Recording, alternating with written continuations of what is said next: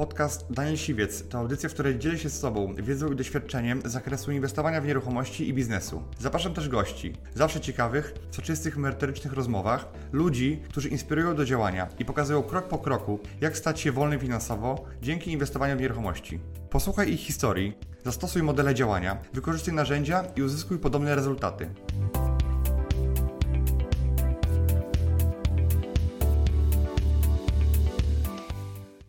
Tematem dzisiejszego webinaru jest jak wejść w biznes deweloperski pomimo braku pieniędzy. Będzie jeszcze wiele innych aspektów poruszanych, natomiast to jest taki główny temat przewodni. Cieszę się, że ze mną jesteście. Ok, i teraz kim ja jestem? Jestem autorem trzech książek, napisałem trzy książki o nieruchomościach, jestem od 10 lat inwestorem na rynku nieruchomości, jestem praktykiem, swoją wiedzę zdobywałem w sposób praktyczny. Yy, zrobiłem ponad 200 flipów, zrealizowałem 5 inwestycji, i zrobiłem ponad 200 kilkadziesiąt flipów. Jestem na tym rynku od 2009 roku, czyli wtedy, wtedy rzuciłem pracę i od zera zaczynałem budować swój majątek, swój kapitał właśnie na rynku nieruchomości. Więc jak ktoś chce się nauczyć, jak to zrobić od zera, to ja jestem najlepszym przykładem tego, że się da i metody, które wtedy zadziałały, działają jednocześnie tak samo i dobrze i na małych pieniądzach, i na dużych pieniądzach dzisiaj. Natomiast dzisiaj mam dużo większą wiedzę i gdybym dzisiaj zaczynał, zaczynał od zera z taką wiedzą, jaką mam, to bym pewnie był dzisiaj w innym miejscu. Na pewno po, po tylu latach pracy. Mam ze sobą pięć inwestycji deweloperskich e, zakończonych, e, kolejne w przygotowaniu, kolejne w toku i mam e, dzisiaj zbudowałem asset 80 e, mieszkań na wynajem, które są moją własnością, które są moje, które są do mojej dyspozycji. E, póki co te mieszkania nie mają kredytów e, żadnych hipotecznych, więc jakby zbudowałem od zera majątek 80 mieszkań, plus mam oczywiście różne inne inwestycje jeszcze w toku i no, chcę Wam powiedzieć po prostu, że się da od zera, więc mówię o tym na różnych webinarach, w różnych aspektach, natomiast ten webinar jest dotyczący tylko i wyłącznie jednej z działek, które robię, działki deweloperskiej. I dla kogo jest to szkolenie? To jest dla wszystkich osób, które chcą wejść w ten biznes i jakby i celują biznes deweloperski. To jest dla osób, które myślą o deweloperce bardzo poważnie, e, tej deweloperce, chcą swoją wiedzę rozszerzyć, chcą swoją wiedzę e, powiększyć, ją wzbogacić e, i dla osób, które w ogóle się zastanawiają, czy warto wejść w ten biznes, czy, czy da się go robić, to dla Was między innymi. I dla osób, które właśnie chcą rozszerzyć swoją wiedzę, które być może są w tym biznesie, być może są osoby, które już działają i chcą jeszcze coś się więcej dowiedzieć, zobaczyć inne spojrzenie. I wiecie, ta branża nieruchomości polega na tym, że cały czas się uczysz. To nie ma tak, że yy, się nie uczysz. Ostatnio był u mnie na szkoleniu yy, człowiek, który wybudował kilka biedronek, wybudował sam kilka biedronek i mimo tego, że ma duże doświadczenie deweloperskie w sensie w budowie i w komercjalizacji, to yy, jeszcze mimo tego wziął mnie mentoring właśnie z zakresu, który tutaj omawiamy. Czyli ma, mimo tego, że wybudował wiele obiektów komercyjnych, to wziął mnie mentoring właśnie z zakresu budowania nieruchomości e, takich mieszkaniowych, tak? Bo, bo, bo ta wiedza jest bardzo podobna, natomiast jest, e, jest dużo i wiele niuansów, na których można polec, bądź można zarobić dużo więcej, jak się wie, e, jakby zna się mm, ma się klucz do czasami no, uchylonych drzwi, albo, albo te drzwi są zamknięte, tylko też trzeba wiedzieć, w które drzwi zapukać. Okej, okay, taka to. I teraz, co dzisiaj będzie? O czym dzisiaj będzie? Co wschodzi w skład tego, tego szkolenia? To, to będzie, będziemy mówili o tym, jak i gdzie szukać działki, e, ile powinna kosztować działka, e, ile trzeba mieć pieniędzy, żeby zacząć w ogóle ten biznes, jak to sfinansować i e, jak sprawdzić, gdzie i co mogę wybudować. W takim, to jest jakby dzisiejszy, dzisiejsza agenda dzisiejszego szkolenia, także trzymajcie się. Teraz, jaka inwestycja na start? Mm, ale zanim jeszcze to powiem, to, to przyszło mi do głowy coś, co nie ma jeszcze tego mm, na, na slajdach i, i może powiem w ogóle, dla kogo jest to biznes, yy, dla kogo ja uważam, że ten biznes ma sens. Bo to nie jest biznes dla każdego. Yy, jest yy, praktycznie każdy, kto ma zakusy, żeby być przedsiębiorcą, jest w stanie się tego biznesu nauczyć. I tutaj nie ma idealnego charakteru, idealnego zestawu yy, umiejętności, doświadczeń, które yy, są i kwalifikują ludzi, żeby być deweloperem czy nie być deweloperem. E, ja uważam, że mm, to jest biznes dla kogoś, kto ma już jakieś doświadczenie życiowo-biznesowe. Czyli jeżeli masz dzisiaj, nie wiem, 18 lat i chcesz w ogóle wejść z grubej rury w biznes, to, e, nie radziłbym Ci zaczynać od biznesu deweloperskiego. Mam absolwentów, którzy mają 20-21 lat i zaczynają budowę swoich pierwszych domów, pierwszych inwestycji, tak, e, są takie osoby, natomiast ten biznes e, jest dosyć prostym biznesem, natomiast trzeba mieć pewne obycie biznesowe. Czyli to jest, ja uważam, to jest moje takie osobiste zdanie, pewne może przekonanie, być może można z tym polemizować, ale to jest dla osób, które mają jakieś doświadczenie zawodowe, czyli pracowały na etacie, y, w, po prostu w czyimś innym biznesie, y, miały jakieś stanowiska, które były odpowiedzialne, które były niezależne, które były, mo, mogli coś, mieć odpowiedzialność za coś i coś delegować. Albo dla osób, które mają swoje biznesy w innych sferach, w innych branżach, czy w branży nieruchomości, czy w innych branżach i na, tym, na tej płaszczyźnie mają już jakieś sukcesy. O, e, telefon do mnie dzwoni. Mają jakieś sukcesy, dlatego też E, to, to, nie jest dla kogoś, kto powinien startować. Jeżeli ktoś chce, jest, mm, chce wystartować w ogóle e, z pierwszym biznesem opartym na nieruchomości, ja rekomenduję, żeby zaczął od flipów. Czyli za, zacznie od flipów i kolejnym krokiem jest przejść w deweloperkę. A jeżeli już jesteś na tym etapie, że albo robisz flipy, albo masz jakiś inny biznes w innej branży, chcesz go E, chcesz go trochę zdywersyfikować, albo chcesz przejść na inny biznes, albo pracujesz na etacie i ta praca nie daje Ci satysfakcji, masz doświadczenie, które wiesz, że Ci się przyda i je, je wykorzystasz, to to jest e, ta sytuacja. A dlaczego tak mówię? Dlatego, że mm, wszystkiego w tej branży się da nauczyć. Natomiast e, nie da się nauczyć doświadczenia, które, które wynika z biznesu, z życia czy z pracy. To znaczy, lepiej się uczyć na innym biznesie, na mniej kapitałochłonnym, na innej pracy, niż na, na swoim własnym. Więc jeżeli masz doświadczenie na przykład na flipach, nauczyłeś się negocjować ceny mieszkań, nauczyłeś się negocjować z wykonawcami, z ekipami remontowymi, to to jest świetny, świetny fundament, tak mówiąc w nomenklaturze deweloperskiej, do tego, żeby wejść w deweloperkę. Więc to, to, to jest moje takie osobiste zdanie. I teraz co na start? Ja uważam, że na start, jeżeli zaczynasz dopiero, to warto zacząć małymi krokami. Tutaj nie ma pośpiechu, e, że za chwilę koniunktura, koniunktury nie będzie, czy za chwilę, nie wiem, będzie zapaść, czy nie wiem, za chwilę skończyć się życie i cokolwiek.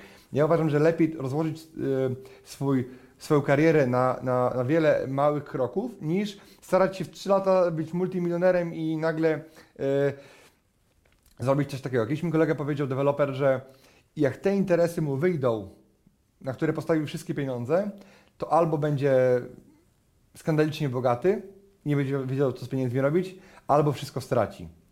I dlatego e, ta sytuacja nauczyła mnie, e, że lepiej po prostu nie ryzykować wszystkiego, nie iść w bank, tylko e, brać, brać inwestycje na siebie na miarę tego, co, co, możemy zrobić i małymi krokami. Czyli zrealizujemy jeden fajny mały projekt, wtedy zaczniemy drugi, tro, trochę większy, kolejny, a nie 10 razy większy bo ten 10 razy większy może być zbyt trudny i może go nie udźwignąć finansowo. Dlatego le lepiej się rozwijać powoli. Ale jaka inwestycja na start? Moim zdaniem najlepszym rozwiązaniem na samym początku jest budowa czworaków, czyli budowa domów jednorodzinnych. I teraz co to jest takiego czworak? Czworak to są takie cztery lokale mieszkalne w dwóch domach jednorodzinnych. Czyli to jest albo zabudowa jednorodzinna, bliźniacza bądź szeregowa. Ogólnie bliźniacza i, i szeregowa to też jest jednorodzinna, bo w kategorii jednorodzinnych mamy zabudowę wolnostojącą, zabudowę szeregową, zabudowę bliźniaczą i są jeszcze zabudowy takie zwarte, ale to już rzadko e, spotykane. I każda zabudowa bliźniacza i czy szeregowa e, jest jednorodzinna. Ok, teraz pokażę Wam to bardziej na, na obrazie. To jest jedna z moich inwestycji. I tutaj mamy ewidentny cztery, czworak, taki czteropak. E, niektórzy mówią na to czteropak, niektórzy czworak, e, a tak formalnie to się nazywa dwa domy jednorodzinne w zabudowie bliźniaczej, dwulokalowe. I teraz chcę, żebyście wiedzieli, że to jest dom jednorodzinny. To, co Wam teraz zaznaczyłem, to jest dom jednorodzinny, czyli w połowie jest granica działki albo granica budynków, bo to w zależności od tego, jak, jak, jak Wam się uda to zrobić, bo mi na jednym etapie się udało musiałem podzielić działki, na drugim już nie musiałem podzielić działki, to jest jakby druga kwestia. E, więc tutaj są, mamy, mamy przed sobą dwa budynki, które są e, dwoma połówkami bliźniaków i każdy z tych bliźniaków ma pionową linię, e, która w, w osi budynku rozgranicza dwa budynki, a po środku ma jeszcze linię, która rozgranicza lokale. Czyli to na zielono to jest lokal. I, I ten dom ma tak tu widzicie, dom rodzinny ma dwa lokale.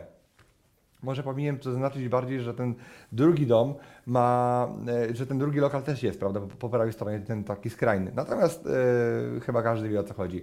I tu ewidentnie widać, że ten czteropak składa się z dwóch domów jednorodzinnych, które są zaznaczone czerwonymi liniami i, jed, i dwóch lokali w każdym z nich, czyli cztery lokale. E, można jeszcze wybudować to w innej koncepcji, czyli jako zabudowę szeregową. Wtedy każdy z tych domów mógłby być, każdy z tych zielonych pól tutaj, które mamy, jeden lokal, mógłby być domem jednorodzinnym. Ale to zależy od miejscowego planu, który będzie w, w danej gminie, albo od warunków zabudowy, które uzyskacie, bądź ich nie uzyskacie. I teraz, nie, nawet jeżeli by się dało zrobić e, dwa lokale, e, dwa zamiast dwóch domów, to dałoby się zrobić na tej samej działce i tej samej płaszczyźnie cztery domy, to, e, to ma swoje plusy i minusy. Plusy są takie, że mm, plusy są takie, że jeżeli budujemy e, na przykład cztery domy jednorodzinne, jednolokalowe, inaczej niż jest tu narysowane, to wtedy ktoś, kto od nas kupuje to, to kupuje od nas nie lokal, tylko kupuje kawałek działki, czyli nieruchomość gruntową zabudowaną domem jednorodzinnym, czyli po prostu kupuje dom. Kawałek działki narysowany geodezyjnie kupuje dom. A w tej sytuacji, którą tutaj mamy, kupuje od nas tak naprawdę nie dom, tylko lokal mieszkalny, czyli tak jakby mm, nieruchomość lokalową. Y, normalnie księga wieczysta jest na to założona, można się kredytować, ona ma taką samą wartość jak ma, jak ma dom. Tak, dla banków ma wartość bardzo podobną albo taką samą. Y, I to nie ma znaczenia pod kątem kredytowania. Może mieć to y, kwestie mentalne. Natomiast minusy, które są z, z tym rozwiązaniem, czyli jeżeli chcielibyśmy zrobić cztery domy, a nie dwa, tak jak tu narysowałem, Czyli lepiej zrobić dwa domy jednorodzinne dwulokalowe z tego względu, że mamy tylko jedną ścianę łączącą te, te dwa budynki, a ta ściana musi być podwójna, musi być z delatacją, czyli z taką odprowadzeniem, yy, czyli te, te, dwa budynki muszą być tak wybudowane, gdyby jakikolwiek jeden się zawalił, to reszta musi stać stabilnie na osobnych ścianach, osobnych fundamentach. I tak nam odchodzą ściany, te e, pionowe ściany, które są rozgraniczające. Dodatkowo E, bo, e, są, w przepisach jest tak napisane, że budynki, które e, budynki od siebie muszą być oddzielone strefą przeciwpożarową. I ta strefa przeciwpożarowa to znaczy, że ocieplenie tych budynków, chyba tam półtora czy dwa metry, czy trzy metry od granicy sąsiada powinna być ocieplona materiałem niepalnym, czyli wełną. Czyli automatycznie ja musiałem tutaj od, z tej skrajnej ściany od skrajnej ściany musiałem robić yy, izolację yy, wełną, która jest droższa niż styropian. Więc jakby automatycznie jakby było tak, że yy, wszystkie są domami, to wtedy praktycznie musiałbym prawie po całym froncie jechać z wełną, która jest droższa. Dlatego, dlatego to rozwiązanie jest bardziej ekonomicznie uzasadnione, mimo tego, że sprzedażowo może być trochę, trochę gorzej. Na koniec będą pytania jeszcze, więc jakbyście mieli jakieś pytania, bo wiem, że zawsze jak o tym mówię, to pojawiały się pytania, więc jeszcze na te pytania będzie czas, żeby odpowiedzieć. Ok. E, I teraz, dlaczego to jest dobra inwestycja na start? Bo to jest taka inwestycja, która jest nie za mała, nie za duża, jest taka idealna w sam raz, żeby mm, zacząć. Bo czy warto wybudować jeden dom rodzinny na start? Popatrzcie, żeby wybudować jeden dom rodzinny, to dokładnie trzeba tyle samo pozwoleń, tyle samo chodzenia za dokumentami, tyle samo robot, tyle samo, tyle samo kart, kartek papieru tak naprawdę, na, yy, czyli trzeba to samo dokładnie zrobić, co budowa takiego czworaka. Więc ja, oczywiście można mieć taki nieskończoność, że skoro budowa jednego to jest tyle samo co osiedle, to można zrobić to osiedle. No ale wiadomo, że osiedle to trzeba już mieć trochę większy y, zapas. Y, nie tylko pieniędzy, ale przede wszystkim trochę mieć odwagi, trochę mieć większą działkę, trochę mieć po prostu e, od razu pojawiać z grubej rury. A chodzi o to, żeby na, jak zaczynacie w ten biznes wchodzić, to chodzi o to, żeby wejść tak naprawdę na samym początku e, z małym projektem, żeby się nauczyć na tym małym i robić coraz większe. Ja tak robiłem. I to jest uważam najlepsza droga, bo jeżeli wejdziecie od razu w duży projekt, to on może tak naprawdę Was merytorycznie e, przerosnąć, ale też i kapitałowo, bo przy małym projekcie Wam zabraknie 50-100 tysięcy, to jest mały problem. A jak Wam zabraknie za chwilę 500 tysięcy, pół miliona na jedną transzę, to już możliwości, z których możecie wziąć te pieniądze, się już kurczą. Yy, wzrost ze skalą yy, tak naprawdę. I teraz jeden błąd, mały błąd yy, na małym projekcie to jest nie wiem, kwestia 5-10 tysięcy, za które zapłacisz, czy, czy nam 20 tysięcy.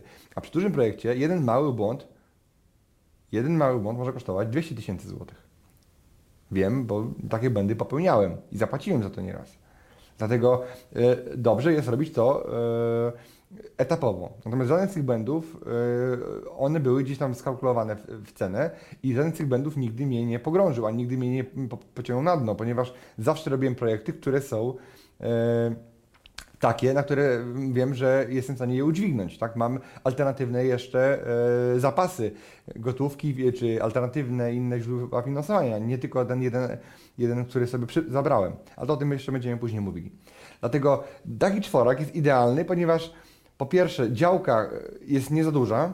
Ten akurat projekt powstał na działce 9-arowej, w której jeszcze była wydzielona droga 5-metrowa. Dlatego te 8-9 arów to jest takie minimum, żeby taki projekt powstał. Więc to jest nieduża działka. To jest działka, która praktycznie mieści się w granicach działki dla normalnego kowalskiego, normalnego człowieka, który chce wybudować własny dom jednorodzinny.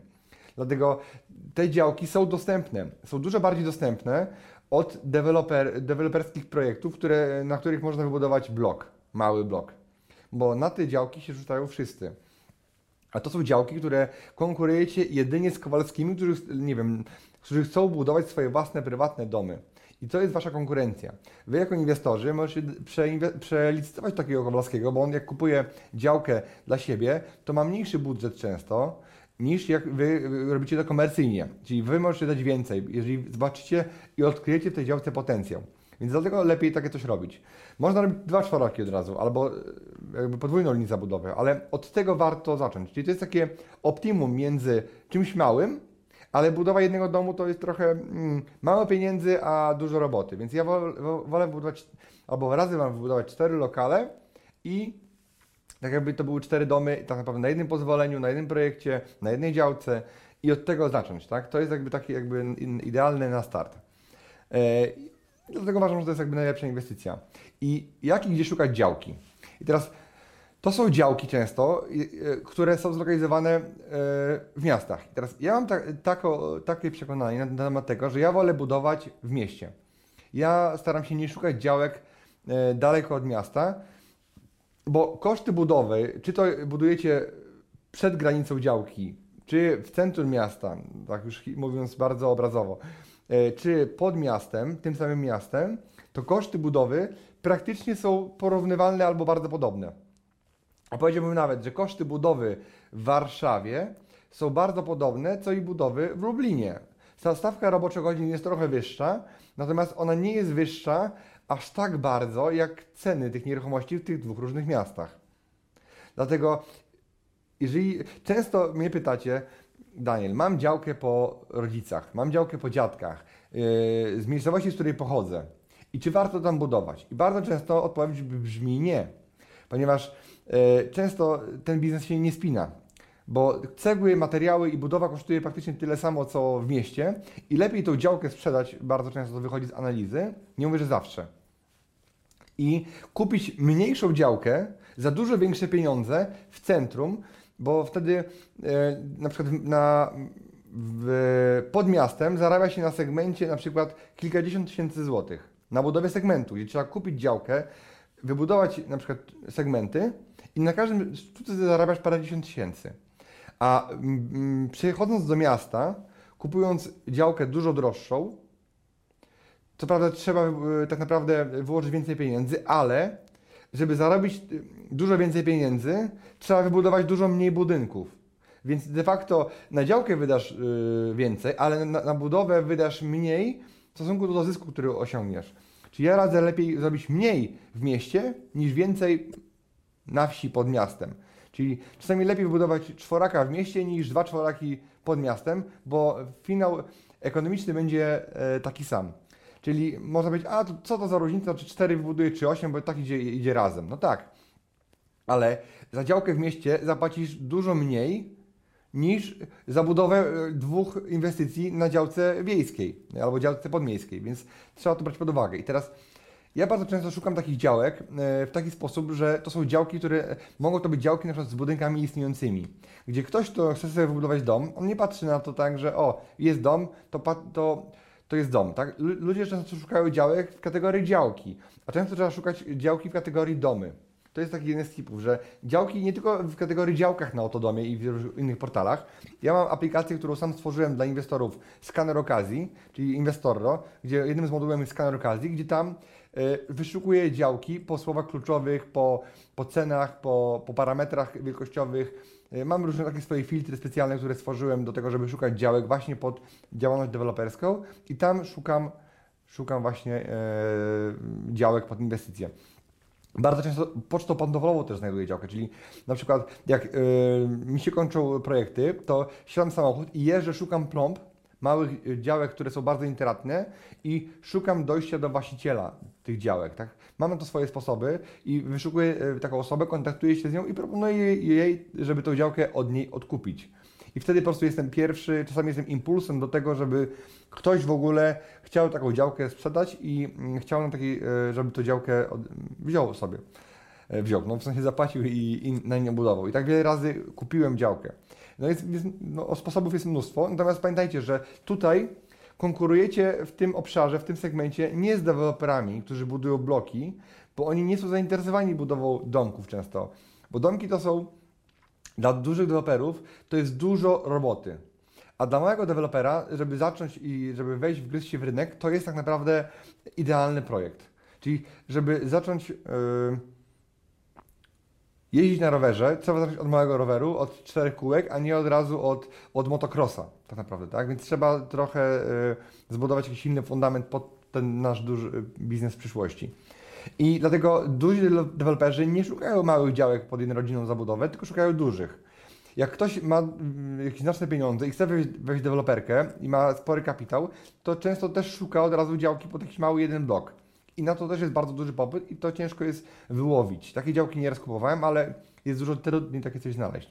Natomiast tutaj tych działek jest dużo więcej, bo, bo jest dużo większa dostępność.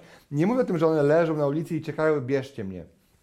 Natomiast jest je łatwiej kupić niż mieszkanie na flipa, tak? I ja często takie działki oglądam, często e, takie działki e, widzę i dostaję różne kontakty od pośredników, czy to od osób znajomych. Na przykład wczoraj był u mnie znajomy, kolega na spotkaniu i mówi, słuchaj, koło mnie e, zaczepił mnie rolnik przez płot i pytał się, po ile, po ile ja kupiłem tą działkę, bo chciałby swoje 3 hektary sprzedać. No i pierwsze co mi on zrobił, to mi dał numer do tego, do tego rolnika i to jest działka bardzo blisko Lublina 4 km od Lubina i w cenie tak naprawdę takiej, że e, jeżeli on tą cenę, za, za którą mój znajomy parę lat temu płacił, e, zaakceptuje, to naprawdę to by był dobry interes. Więc wiele jest metod do tego, żeby szukać działek e, i to mogą być działki, które mają dosłownie 10 arów, więc bariera wejścia dla Was to jest żeby kupić nieruchomość, to jest um, od 200 do 600 tysięcy, załóżmy, tak, za taką działkę, w zależności od miasta. Jeżeli macie wybór, czy budować pod miastem, to bardzo często moja analiza, którą ja robię, plan ABC, wychodzi na to, że bardzo lepiej jest, nawet jeżeli macie już kupioną działkę, to zastanowić się, czy kupicie bliżej miasta, to inwestując tyle samo w inną ziemię, w cegły, w budowę, w swój czas, energię, nie zarobicie więcej budując zamiast czworaka tam co macie, to dwa bliźniaki, dwie połówki bliźniaka na nowej działce. To trzeba wziąć pod uwagę. Ok. I jaka powinna być działka? Jeśli chodzi o parametry techniczne, powinna, e, bu, sam budynek ma około 22 metry szerokości, ten, który Wam przedstawiłem, i ma około 10 metrów, e, bodajże 8 czy 10 metrów e, długości. Tak, no 10 metrów długości, więc jeżeli budynek ma 10 metrów głębokości, bym powiedział takiej długości, nie, nie szerokości, to, to trzeba zostawić jeszcze czas, e, miejsce na podjazd i miejsce na ogródek. I tam działka, którą ja miałem, miała około 30 metrów i to jest taki, powiedziałbym, że minimum. 25 byłaby jeszcze do zaakceptowania pod warunkiem, że wjazd do działki byłby z gminy, czyli jakby z drogi y, takiej albo z drogi wewnętrznej waszej, albo z drogi takiej bezpośredniej, z drogi publicznej. To znaczy, że jeżeli e, nie trzeba by było robić drogi wewnętrznej, to 25 metrów wystarczy. Ale jeżeli trzeba by było robić drogę wewnętrzną, to już wtedy niestety nie. To już wtedy y, musi być to minimum tam 30 metrów, żeby, żeby się spięło. Więc moja działka miała około 60 na 30, tak mniej więcej. I na takiej działce e, 9-arowej taki budynek spokojnie wszedł. Więc możecie kupić działkę nawet 8-arową, jeżeli ona będzie miała lepsze parametry i będzie na przykład wzdłuż drogi. Bo jak działka jest wzdłuż drogi, to nie musicie wtedy budować często e, kostki e, podjazdów, e, tylko macie podjazdy po prostu już zrobione, które są gotowe i można tylko po prostu utwardzić. Więc taka powinna być działka. I teraz działka powinna mieć, to o tym sobie powiemy, to już mówimy jak znaleźć. I jak sprawdzić, czy działka jest w ogóle budowlana, czy działka jest w ogóle mm, dla nas atrakcyjna i czy na działce można budować. I jakby chcę Wam pokazać kilka narzędzi do tego, które mogą Wam się przydać w, tym- w tym biznesie na samym początku. E, I teraz jedno z narzędzi to jest Geoportal. E, I teraz jest Geoportal ogólnopolski. To jest Geoportal, to jest taka, e, taki, taki jakby mapy, mapy Google, gdzie jest pełna ewidencja działek. I tam są wszystkie działki, które, czyli możecie sobie na podkładzie satelitarnym, czy różnych innych tam topograficznym, czy jakimś tam wysokościowym, zobaczyć e, jaki działka ma kształt i gdzie, jaką ma szerokość, gdzie sięga, jaki ma numer ta działka, zobaczyć jej e, specjalny taki adres, po którym można dojść do księgi wieczystej i po księdze wieczystej można dojść, kto jest właścicielem na przykład. E, czyli na geoportalu ogólnopolskim można sobie znaleźć dan- każdą działkę po ulicy, po numerze, po miejscowości i tam e, zobaczyć sobie jaka działka ma parametry, jaki ma, ma kształt i jest wiele różnych opcji. Są jeszcze mm, wysokości, często są czasami media pokazane, jakie ta działka ma media. Natomiast to jest ogólnopolski, ale niektóre gminy, albo większość gmin ma takie geoportale lokalne. Czyli na, na, na przykład Lublin ma geoportal lubelski, tak? albo Warszawa ma warszawski. Czyli wpisujecie sobie na przykład geoportal Lublin yy, i tam wam wyskakuje lokalny geoportal, który jest dużo bardziej, ma dużo więcej informacji, yy, które Was interesują. Czyli może mieć informację, czy dana działka jest objęta miejscowym planem zagospodarowania przestrzennego. To za chwilę o tym powiem. Może być, yy, może być pełna inwentaryzacja mediów, które są. Czyli od razu jesteście w stanie sprawdzić z poziomu komputera, internetu, czy dana działka ma media, czy ma wodę, czy ma prąd, czy ma gaz, czy ma kanalizację. Czy te, takiej yy, infrastruktury nie ma. Można zobaczyć, często są też mapy własnościowe, czyli takie warstwy własnościowe. I teraz widać, czy działka jest własnością Skarbu Państwa, gminy, osoby prywatnej, czy spółki, czy kościoła na przykład.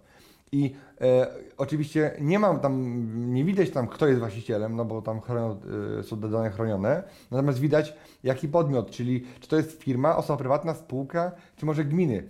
Czyli wtedy e, widać jasno, że działka jest gminy, więc trzeba iść do gminy ewentualnie, żeby coś dogadać się, tak? E, więc są tam takie informacje, na przykład jak wysokości, jak, no, jest wiele informacji. Są też e, często in- informacje, nie zawsze, e, czy dana działka ma, czy była wydawana decyzja o ustaleniu warunków zabudowy. To może być też i ta- tam widoczne. Nie każdy geoportal, bo te po- geoportale są różne. Mają różne podkłady, mają różne warstwy, bo każda gmina tworzyła swój geoportal. Więc jest ogólnopolski, gdzie są podstawowe informacje i są jeszcze lokalne, gdzie gminy dane udostępniają swoją, mm, część swojego portalu geodezyjnego mm, do inwestorów po to, żeby mogli tak naprawdę e, sobie pracować. No i to jest świetne narzędzie, bo wtedy sobie liczymy szerokość tej działki, wysokość, e, wysokość, szerokość, e, głębokość, czy inaczej długość, tak? Widzimy po prostu, co jest w okolicy, możemy sobie pomierzyć mm, i widzimy na mapach takich jakby satelitarnych też, czy jakie są budynki, w jakiej odległości, więc to jest świetne narzędzie dla inwestora na początek, żeby zobaczyć, czy dane działki są wolne i nawet, żeby pójść do urzędu, zapytać o daną działkę, to ma- mamy już jej numer tak naprawdę, nie sam adres. I teraz kolejną rzeczą to są warunki zabudowy. Bo działka, żeby była budowlana i żeby mogła być zabudowana przez inwestora, musi mieć e, dwie zastępowalne siebie tak jakby dokumenty albo rzeczy, albo po pierwsze to jest pla- miejscowy plan zagospodarowania przestrzennego, to jest to, albo decyzja o warunkach zabudowy. I to jest naprzemiennie. Jeżeli jest miejscowy plan zagospodarowania, to wtedy automatycznie on ustala, co na danej działce można zrobić.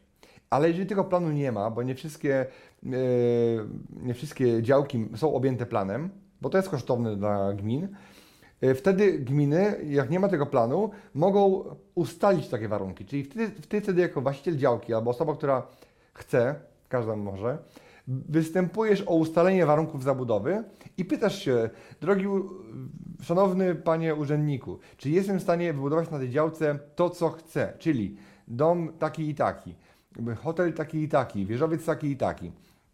I wtedy, jeżeli nie ma tego planu, to jest pewna dowolność, e, jeżeli chodzi o urzędy, żeby takie warunki zabudowy wydawali. Oczywiście są pewne ramy, które są E, które, na, których, na, bazie których opierają się mm, te decyzje, czyli musi być e, jakieś sąsiedztwo, mm, dobre sąsiedztwo, czyli musi ta działka musi się wpasować, znaczy zabudowa musi zapasować się w to, co już jest dookoła, czyli pośrodku domów jednorodzinnych nikt Wam nie da wybudować wieżowca czy hali jakiejś yy, magazynowej, jeżeli tam nie ma nic dookoła, więc trzeba się odnieść do sąsiedniej zabudowy. Są pewne warunki, taka jak na przykład trzykrotna szerokość działki, która ustala nam o, yy, coś takiego jak e, obszar analizowany, czyli jeżeli chcemy ustalić, co jest dookoła, to nie, nie mówimy tu jest kilometr czy dwa kilometry, tylko patrzymy na szerokość działki, mnożymy ją razy 3 i teraz ta yy, kładziemy cyrkiel i tą trzykrotną szerokości działki obrysowujemy ob, obrąb, yy, okrąg i to jest tak jakby analizowana nasza yy, część. Więc wiele jest takich rzeczy, które. natomiast tu jest trochę, trochę dowolność i nie powiem, że wolna amerykanka, natomiast są pewne przepisy, które to regulują, ale e, jakby może być tak, że w jednym urzędzie by, e, byś dostał, a w drugim byś nie dostał. Tak? Plan listowy to jest coś, co jest na sztywno. Można ten plan próbować zmienić, co trwa często miesiąc, wiele miesięcy albo lat czasami. I teraz trzeba mieć naprawdę du dużą działkę, żeby się opasało za tym chodzić i żeby nękać urząd miasta, żeby zmienił ten plan. E, to też nie jest łatwe. Natomiast ja, bym, ja, nie, ja mam taką zasadę, że ja nie kupuję działek, yy, gdzie zmieniam plan. Jakbym miał działkę, odziedziczyć ją, to bym ten plan zmieniał. Ale jeżeli mm, ja nie, działka ma plan niekorzystny dla mnie, to nie kupuję tej działki albo kupuję po cenie, yy, którą ten plan, można powiedzieć, dzięki temu planowi ta działka uzyskała. Więc jeżeli działka ma plan miejscowy, to ma plan miejscowy na sztywno, a jeżeli nie ma tego planu, to wtedy możemy zapytać się w urzędzie, czy możemy to, co chcemy wybudować, to możemy wybudować. To są takie dwie rzeczy. I na podstawie warunków zabudowy taką działkę możemy później zabudować. Oczywiście to jest podstawowy dokument. On stwierdza tylko, że Urząd Miasta nie ma przeciwwskazań, żebyśmy my coś takiego tam postawili. Więc to są takie jakby podstawowe dla nas narzędzia, które są istotne. Okay, nie, nie, Teraz ile powinna kosztować działka? Teraz mamy różne typy działek. Mamy działki, które są w różnych e, takich parametrach. Mamy działki, które są naprawdę szczerym polem, kiedyś tam coś będzie, ale dzisiaj tam nie ma nic. I kupujemy tak wizjonersko, mamy, nie wiem, pół miliona, milion, dwa miliony yy, i chcemy to ulokować, to ok, kupujemy działkę, która być może nie mamy nic innego do robienia z tymi pieniędzmi, nie, nie mamy modelu na ich pomnażanie, Dlatego mówimy, zainwestuję w ziemię, ziemi nigdy nie, e, nie, nie doprodukują, więc niech leżą w ziemi, a lepiej niż nie, w lokacie. Okej, okay. takie podejście ma swoje uzasadnienie pod warunkiem, że nie macie biznesu, nie wiecie jak go robić. Natomiast y, są jeszcze działki, które są częściowo przygotowane, które mają mm, częściowo media, mogą mieć warunki zabudowy, mogą mieć plan miejscowy, ale też nie muszą mieć, mogą mieć y, media, ale też nie muszą mieć, czyli mogłoby tak jakby być mogła być tam jakaś koncepcja zabudowy, ale też mogłyby być tam jakieś, yy, na przykład to działki są, które częściowo są przygotowane i na przykład mają kanalizację, wodę, ale na przykład nie mają jeszcze prądu, gazu i mogą mieć plan miejscowy albo nie mieć planu. Czyli takie działki częściowo przygotowane. Czyli takie działki, że zanim zaczniesz budowę, to przynajmniej pół roku, rok musisz chodzić, żeby to wszystko pouzyskiwać. I to są takie, takie półprodukty jakby. I te działki mają wyższą cenę z reguły niż te, które są pierwsze, które są takie jakby totalnie nieprzygotowane. One są wtedy tanie, można je kupić tanio, natomiast czy na nich zarobisz? Zobaczymy. I nie, nie byłbym taki pewny wcale, czy, czy, czy się uda, bo jak nie masz czegoś na piśmie, nie masz czegoś konkretnego, wybudowanego, czy, czy kanalizacji, czy, czy wodociągu, czy czegokolwiek, to szansa, że to się zrobi, uda za 2, 5, 10 lat jest, ale nie jest to pewniak. Czyli jeżeli masz po położyć monetę pod tytułem yy, paręset tysięcy, parę milionów na prognozę, że o, za 10 lat mi się to na pewno uda zrobić, bo to już będą inne czasy, bo to już to, bo to już tamto, już tam zabudowa się zbliży w to miejsce i już będę wtedy miał w środku działkę, po środku osiedla. Niekoniecznie musi tak być. Dlatego mamy jeszcze trzeci rodzaj działek. Działkę pod tytułem, że to jest taka działka, która już jest przygotowana, czyli ma na przykład mm, drogę, ma y, plan miejscowy albo ma warunki zabudowy, ma kanalizację, ma y, media wszystkie w, w drodze albo już przy działce, albo wręcz ma uzgodnienia na te rzeczy, ma no, warunki zabudowy, ale też często może mieć już pozwolenie na budowę, gdzie inny deweloper ustalił już i, z, zaprojektował już budynek, dostał pozwolenie i z jakiegoś tam powodu chce to sprzedać. To już jest taki bardziej pewniak. I teraz moim zdaniem, jak ktoś dopiero zaczyna, to warto było, żeby kupił jak najbardziej coś, co jest już przygotowane. I lepiej zapłacić za to na przykład, załóżmy działka przygotowana, nieprzygotowana kosztuje 200 tysięcy, a działka przygotowana i z wszystkimi papierami może kosztować na przykład 400 tysięcy, tak już teraz strzelam. To ja wolę, wolałbym kupić działkę droższą, ale z pewnością stuprocentową albo w 99%, że uda mi się wybudować to, co tam chcę, gdzie przy cenie 400 tysięcy dalej mi się to opłaca, bo to się dalej wpisuje w mój Excel, moje, moje biznesowe zamierzenia, niż kupować kota w worku, który może się nie okazać kotem, tylko pluszakiem jakimś takim, który jest nic nie warty. Dlatego lepszy w tym przypadku wróbel w garści, drogi wróbel, złoty wróbel, ale pewny wróbel, niż gołąb na dachu, który tak naprawdę może się okazać później, że nie będzie gołębiem, tylko będzie jakimś czarnym krukiem. I więc i moim zdaniem lepiej kupować coś, co jest tu i teraz, żeby szybko wejść, wybudować, a nie za rok, dwa, trzy. To jest tak jakby moje zdanie, że lepiej kupić coś droższego, ale na tu i na teraz, niż kupić coś na zasadzie, a podtrzymam. No chyba, że macie za dużo gotówki, że macie, nie macie co z nią robić, że lepiej ją trzymać w ziemi, byle jakiej ziemi, ale w ziemi, niż w banku, byle jakim banku, ale w banku. Tak? To jest to takie moje porównanie. Ok, i teraz ile mieć trzeba pieniędzy w ogóle, żeby zacząć wejść w ten biznes? Ja dzielę zawsze finansowanie deweloperskich projektów na dwa etapy. Takie dwa główne etapy, bo tych etapów może być dziesiątki jeszcze, ale dwa główne. Pierwszy to jest mm, taki znaczący element, to jest zakup działki. I ten zakup działki może być finansowany, e, za chwilę o tym będziemy mówili, ale drugim większym to jest koszty budowy. Czyli mamy koszty zakupu działki i koszty na start, czyli jakieś takie rzeczy jak projekt, dokumenty, pierdoły takie, żeby wystartować w ogóle, mieć papier pod tytułem PNB, czyli pozwolenie na budowę. To są koszty podstawowe. Te koszty często zamykają się w kwocie parunastu, około 20%, a reszta to są koszty budowy. W kosztach budowy to już jakby ogólnie jest powiedziane, ale też są koszty e, reklamy, koszty biura sprzedaży, koszty budowlane, koszty miękkie dookoła tego wszystkiego. To są koszty takie, które e, powstają często w wyniku e, zaraz po pozwoleniu na budowę. Czyli wszystko, co po pozwoleniu na budowę, to jest ten koszt budowy i koszt realizacji inwestycji, może lepiej się powinno nazywać. I teraz są różne modele, czyli musimy wziąć pod uwagę, że mamy całość do sfinansowania, ale mamy też to całość podzielone na dwa etapy. I teraz jak możemy to zrobić? No, pierwszy z etapów to jest jakby te, te zielone pola, to e, jest tutaj wskaźniki, ile musimy mieć własnej gotówki albo ile musimy mieć gotówki no własnej. Czyli możemy robić tak, mamy pieniądze, budujemy za, za swoje, kto Boga temu zabroni, i tutaj jakby nie będę Wam mówił, jak się buduje za swoje, bo to chyba jest, e, każdy wie, tak? Jak wybudować za swoje pieniądze. E, ale nie sztuka jest robić deweloperkę, żeby nie budować za swoje pieniądze. Bo nowoczesny deweloper to jest deweloper, który używa dźwigni. I teraz e, ta, ten biznes opłaca się między innymi bardzo dlatego, że można używać dźwigni, można używać pieniędzy innych ludzi. Pieniędzy banku, pieniędzy inwestorów, pieniędzy kupujących pieniędzy innych ludzi. Dlatego używamy dźwigni. W tym biznesie zyskowność i rentowność powinna się opierać między 100 a 300% z kapitału własnego. I jeżeli byśmy budowali za własny kapitał, czyli na przykład masz 2 miliony złotych i te 2 miliony przeznaczasz na inwestycje i zarabiasz na tych 2 milionach 600 tysięcy, to za Chiny Ci nie wyjdzie 100 czy 300%. Wyjdzie Ci tak naprawdę 30% z tego yy, z kapitału. No niestety. A jak policzysz, że to jeszcze będzie trwało o, o, o 2 lata, to jeszcze ci wyjdzie 15. I w ogóle to już się straci trochę sens, tak? Trzeba podjąć pewne ryzyko, żeby, żeby zarobić na tym dużo.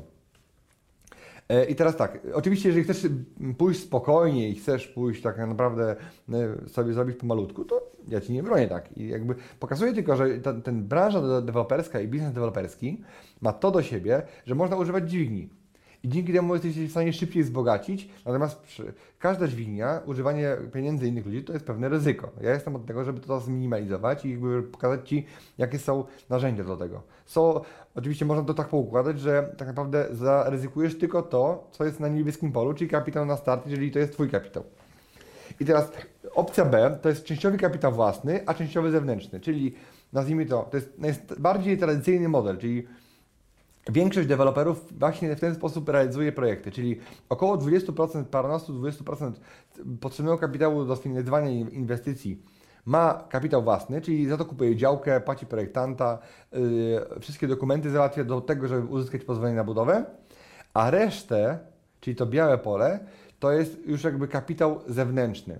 I ten kapitał może być pozyskany od banku, może być normalny kredyt deweloperski.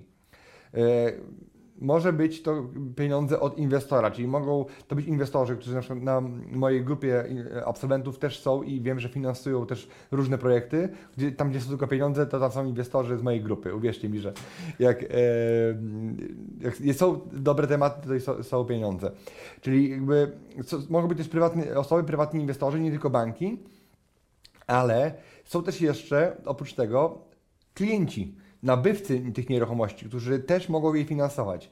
I może być to tak, że może być finansowane w oparciu w całości o bank, w całości o inwestora, w całości o nabywców, albo może to być model jeszcze bardziej hybrydowy, że część dajesz ty, część bierzesz ile się da od klientów, a resztę, która ci jest potrzebna, finansujesz bankiem, inwestorami, wtedy ile jest ci potrzeba, albo nabywcami tych nieruchomości. Może być tak, że finansujesz to nabywcami i inwestorami. Może być tak, że finansujesz to bankiem i nabywcami. Może to być to, finansujesz to bankiem, inwestorami i nabywcami. Są różne konfiguracje takie, żeby e, sfinansować to jak najtaniej. Bo teraz najtańszym pieniądzem, który można wziąć, to są pieniądze nabywców. To jest oczywiste, tak? Bo oni nie liczą często oprocentowania odsetek tak samo jak bank, tylko po prostu liczą, że włożyli pieniądze w własną nieruchomość. To, że dostaną klucze dopiero za rok, trudno, tak, już tych odsetek nie liczą, trudno. Kolejnym e, finansującym e, jest w hierarchii kosztów jest bank. I teraz bank też jest dosyć tanim finansującym. Najdroższym finansującym jest inwestor. Natomiast inwestor powinien być brany w sytuacji alternatywnej, w sytuacji tak naprawdę takiego backupu, bo jeżeli sfinansujemy inwestorem cały koszt budowy, to prawdopodobnie mm, to musiał być bardzo tani inwestor, który nie ma innych alternatyw zarobienia pieniędzy. Żeby, żeby dał nam pożyczkę czy yy, wszedł inwestycję yy, za parę procent, Chyba, żeby się dogadać z nim na, na deal, na przykład udział w zysku, czyli na przykład 50-50, czy, yy, czy 60 na 40 albo 30 na 70, tak? To też jest y, do, do ogarnięcia. Tak? Od tego są specjalne umowy, umowy spółki. To wszystko da się zrobić. Więc to jest najbardziej klasyczny model, że deweloper kupuje działkę, na działkę ma własny kapitał, a na resztę finansuje bankiem, inwestorem czy nabywcami, czyli połączy te wszystkie y, możliwości, które są. Ale jest jeszcze inny model, y, inny model, który tak naprawdę może być, że totalnie brak kapitału. Ja tu zrobiłem takie małe zielone pole, bo jakiś kapitał tam musisz mieć. Czyli generalnie e, da się to zrobić z, z kapitałem 0%, ale umówmy się, że musisz mieć coś na życie, musisz mieć coś w ogóle, żeby nawet dać zadatek na, na działkę, chociaż te 10 tysięcy na przykład, albo na, zapłacić za notariusza, albo e, no, jakieś tam grosze musisz mieć, tak, jakby grosze, ale to nie musi być od razu 200 tysięcy złotych. Jeżeli masz, e, no musisz mieć po prostu jakieś tam pieniądze, żeby mieć nawet, żeby zapłacić geodecie, czy zapłacić e, komuś, kto ci coś tam policzy, czy notariuszowi, czy nawet za umowę przedstępną, żeby zabezpieczyć mieszkanie, to mieszkanie, działkę do tego, żeby zrobić ten deal z inwestorem później. Natomiast w tym modelu, w tym modelu C, nie musisz mieć praktycznie kapitału, który jest potrzebny na zakup działki. Czyli te koszty budowy możesz sobie sfinansować tak samo jak w poprzednim modelu, Ale zakup działki możesz finansować na różne sposoby. Po pierwsze, możesz się dogadać z właścicielem, żeby ten właściciel poczekał na pieniądze na przykład rok, dwa albo trzy. Bo jeżeli mm, on chce za działkę załóżmy 500 tysięcy, a ty sobie policzysz, że gdybyś kupował tą działkę na kredyt, to bank by od ciebie wziął na przykład 4%. I ty, yy, tą dział, i ty, ten kredyt byś spłacił załóżmy za 2 lata, to 4% od tego yy, kredytu, od, od 500 tysięcy, to jest tak naprawdę yy, ile? Od 4% od 100 tysięcy to jest 4, 4 tysiące, to tu będzie to 20 tysięcy złotych za e, rok. To, to będzie 40 tysięcy za 2 lata. Czyli mogłeś temu właścicielowi zaproponować z powodzeniem na przykład 550 tysięcy, czyli 50 tysięcy więcej za to, że zapłacisz mu po czasie. Czyli Twoim kredytującym będzie właściciel nieruchomości. On będzie czuł, że dostał korzyść, bo zapłacisz mu więcej niż on chce, albo więcej niż, niż gotówką. Ja zawsze mam taką zasadę, że daję dwie propozycje. Skandalicznie niską za gotówkę, na przykład w tym przypadku 300 tysięcy, taką, żeby była skrajnie niska i żeby była e, dobrym, e, dobrym kontrastem do oferty, która będzie na przykład 530, ale załóżmy po czasie. Czyli jakby jak negocjuję, zawsze staram się, żeby E, nawet jak mam pieniądze i to po prostu, jeżeli one mogą być dalej w moim portfelu, to wolę, żeby były w moim portfelu niż w cudzym portfelu. Nie staram się tych pieniędzy wyrzucić na, na siłę z mojego e, portfela. A drugim modelem to jest na przykład to, tak zrobiłem swoją pierwszą inwestycję, że zaproponowałem właścicielowi, że zamiast płacić mu za nieruchomość gotówkę, e, czy właścicielce wtedy, zapłacę w mieszkaniach, które wybuduję na tym właśnie, na tej działce. Czyli tak naprawdę może, jeżeli tam jest do wybudowania na przykład, nie wiem, 5-10 mieszkań, to można sobie ustalić wartość przyszłą tej nieruchomości, którą tam wybudujesz, czyli na przykład tych dwóch mieszkań i zaproponować część gotówki, na przykład 100 tysięcy, czy 200 tysięcy, czy ileś tysięcy, a resztę w nieruchomości po cenie jej sprzedaży. Czyli to jest, ten model działa tak pięknie, że automatycznie kupując działkę, sprzedajesz po cenie przyszłej rynkowej, trochę droższej, zawsze zazwyczaj yy, tak, mieszkania, które jeszcze nie są wybudowane. Czyli masz pierwszych klientów i masz część sprzedaży już zrobioną, bez pośrednika, bez prowizji. I tak naprawdę to oni finansują Ci zakup tej nieruchomości. Czyli to jest jakby model, w którym to właściciel działki finansuje jej zakup. Tak, tak to działa. E, oczywiście są jeszcze modele e, nieprzenoszenia własności i odroczenia w czasie.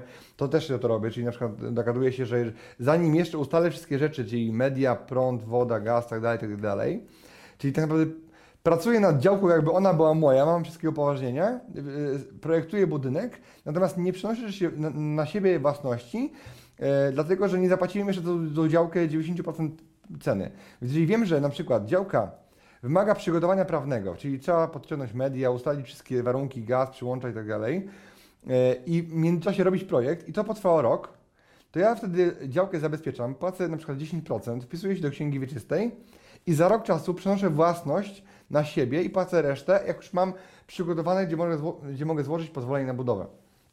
Ten model pozwala mi e, tak naprawdę e, tak naprawdę sfinansować sobie zakup działki. Kiedyś miałem taką sytuację, że miałem działkę, kupowałem za milion złotych, gdzie było dwudziestu kilku właścicieli był duży problem, żeby ich wszystkich z sobą e, ściągnąć i e, umówiłem się, powiedziałem, że działka nie ma wszystkich rzeczy, które trzeba ustalić, więc ja kupię tą działkę za tą kwotę pod warunkiem, że ustalę te wszystkie rzeczy.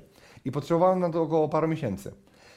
Ustaliłem te wszystkie rzeczy i widziałem, że jeden z, z właścicieli tak się ma około po 90 i tak coś może może nie, do, nie doczekać umowy końcowej, więc yy, przyspieszyłem trochę tam o dwa miesiące tą umowę końcową, przyspieszyłem ją, bo już byłem wszystko gotowe, mimo tego, że miałem czas jeszcze na to.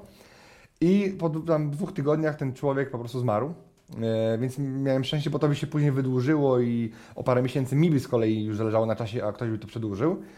Natomiast jeden ze starszych panów powiedział na akcie notarialnym, wie pan co, tak po roku czasu praktycznie, od umowy przedstępnej. Kiedy ja załatwiłem wszystkie dokumenty, miałem klucze do tej nieruchomości, już tam sobie wyrównałem teren, wyciąłem drzewa i zrobiłem co chciałem, to powiedział mi, wie pan co, ale tak naprawdę to my panu sfinansowaliśmy zakup tej nieruchomości przez ten rok. Czyli pan nie musiał żadnych pieniędzy inwestować. Mówię, no tak, tak to, tak to działa. No. I jakby, e, ale nie było z tym problemu, bo taki był deal, takie były warunki, takie były warunki e, negocjacji i rozmowy, tak? Dlatego mm, ja zawsze wchodzę, kupuję działki, wtedy, no też tu mówię na swoim szkoleniu, co sprawdzić.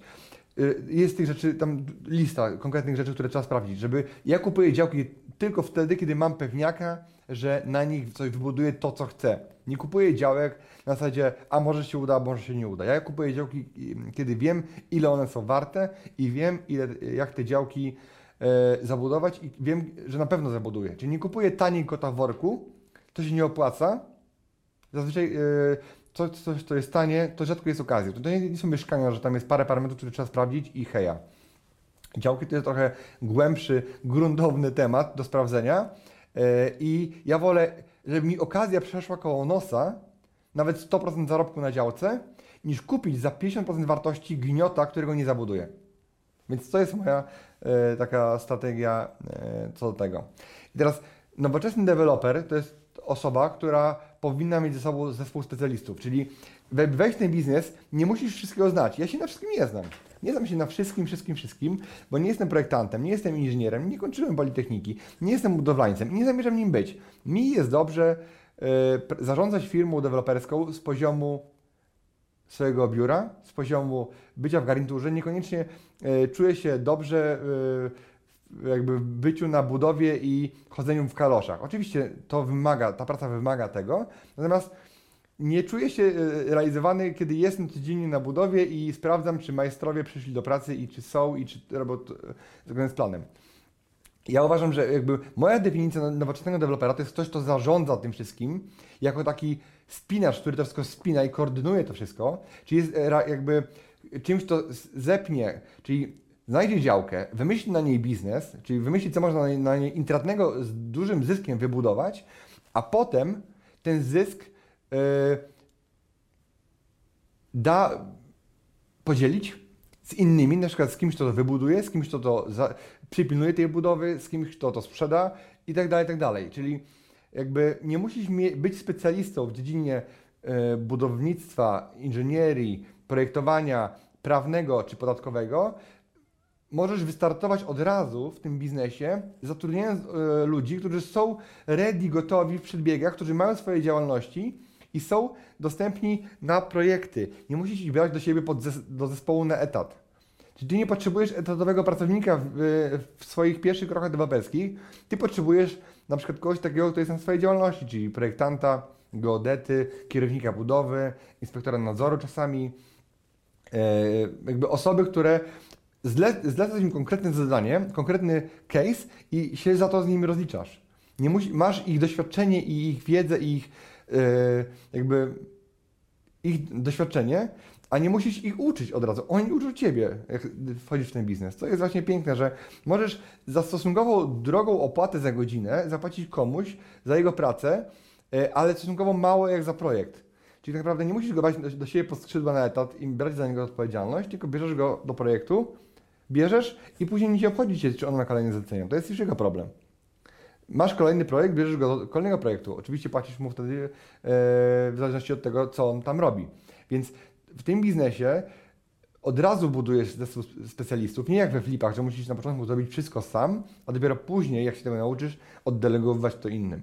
Tutaj od razu musisz opierać się o zespół ludzi, których musisz dobrze znaleźć, zakontraktować, dobrze zatrudnić, rozliczyć, bo też nie problem jest, macie, bierzcie, ile chcecie, to tyle bierzcie. Trzeba ich też zatrudnić w taki sposób, żeby oni chcieli pracować, żeby oni, e, tak samo z wykonawcami na przykład, tak? Zatrudnić ich tak, żeby nie zostało na koniec malutko, tylko żeby zostało dużo na koniec, żeby mieli motywację, żeby to skończyć, żeby to zrobić i tak dalej, i tak dalej. Więc jakby jest wiele e, jeszcze wiedzy, jak to robić. I jakby, co musi wiedzieć deweloper? Jaką wiedzę musi mieć? Ile trwa taka inwestycja? Jak sądzicie, ile trwa taka inwestycja? To zależy od tego, jak bardzo działka jest przygotowana. Jeżeli działka jest taka na dotknięcie, to może być na takim najszybszym scenariuszu, że 3 miesiące od zakupu i wchodzisz. Natomiast to się rzadko zdarza. Tak? Zazwyczaj musi liczyć pół roku, czasem do roku na przygotowanie do pozwolenia I realizacja takiego przedsięwzięcia powinna trwać około takiego czworaka, o którym mówimy, około roku. Jak się zepniesz i robisz tylko to, to wtedy możesz to zrobić szybciej. Natomiast jeżeli robisz coś przy okazji jeszcze, to może trwać i dłużej nawet. I teraz budowa domków jest prosta, możesz to w parę miesięcy wybudować nawet. Budowa bloków, budowa osiedli to już jest proces, który trwa 24 miesiące, albo czasem nawet dłużej, jak jest bardzo zaawansowany, że jest jakby wysoki budynek i jest jakby technologia e, bardziej skomplikowana, złożona, to wtedy trwa to po prostu dłużej.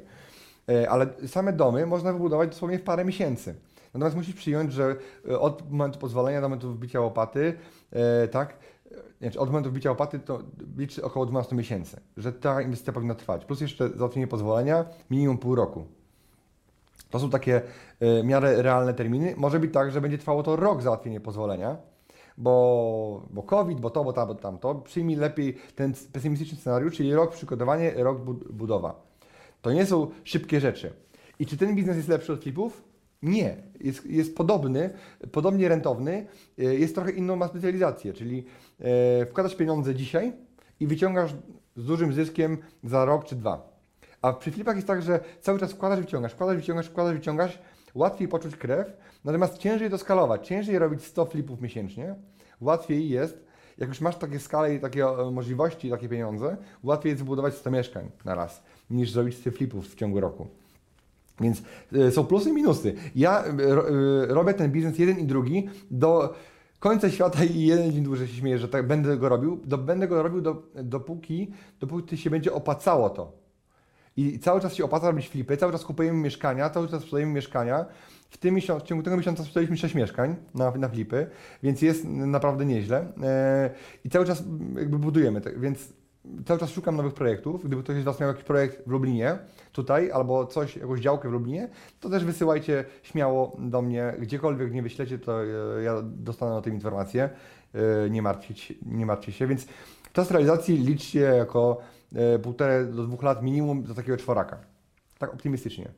A jeszcze Wam powiem o warsztatach. Jeżeli ktoś chciałby się uczyć ode mnie, bo miałem o tym powiedzieć jeszcze. E, ktoś by chciał się ode mnie uczyć i chciałby y, moją całą wiedzę z zakresu deweloperki pozyskać, czyli wszystkie moje techniki, w ciągu, które mówię w ciągu trzech dni e, i jakby pokazuję jakby od A do Z ten projekt gdzie na, można zarobić aż 600 tysięcy złotych na takim czworaku, gdzie masz dostęp do gotowego projektu, masz dostęp do umów moich, do checklist, do narzędzi, które stworzyłem właśnie po to, żeby e, liczyć opłacalność, żeby analizować to wszystko i dostajesz jakby no, mój warsztat i pokazanie od A do Z.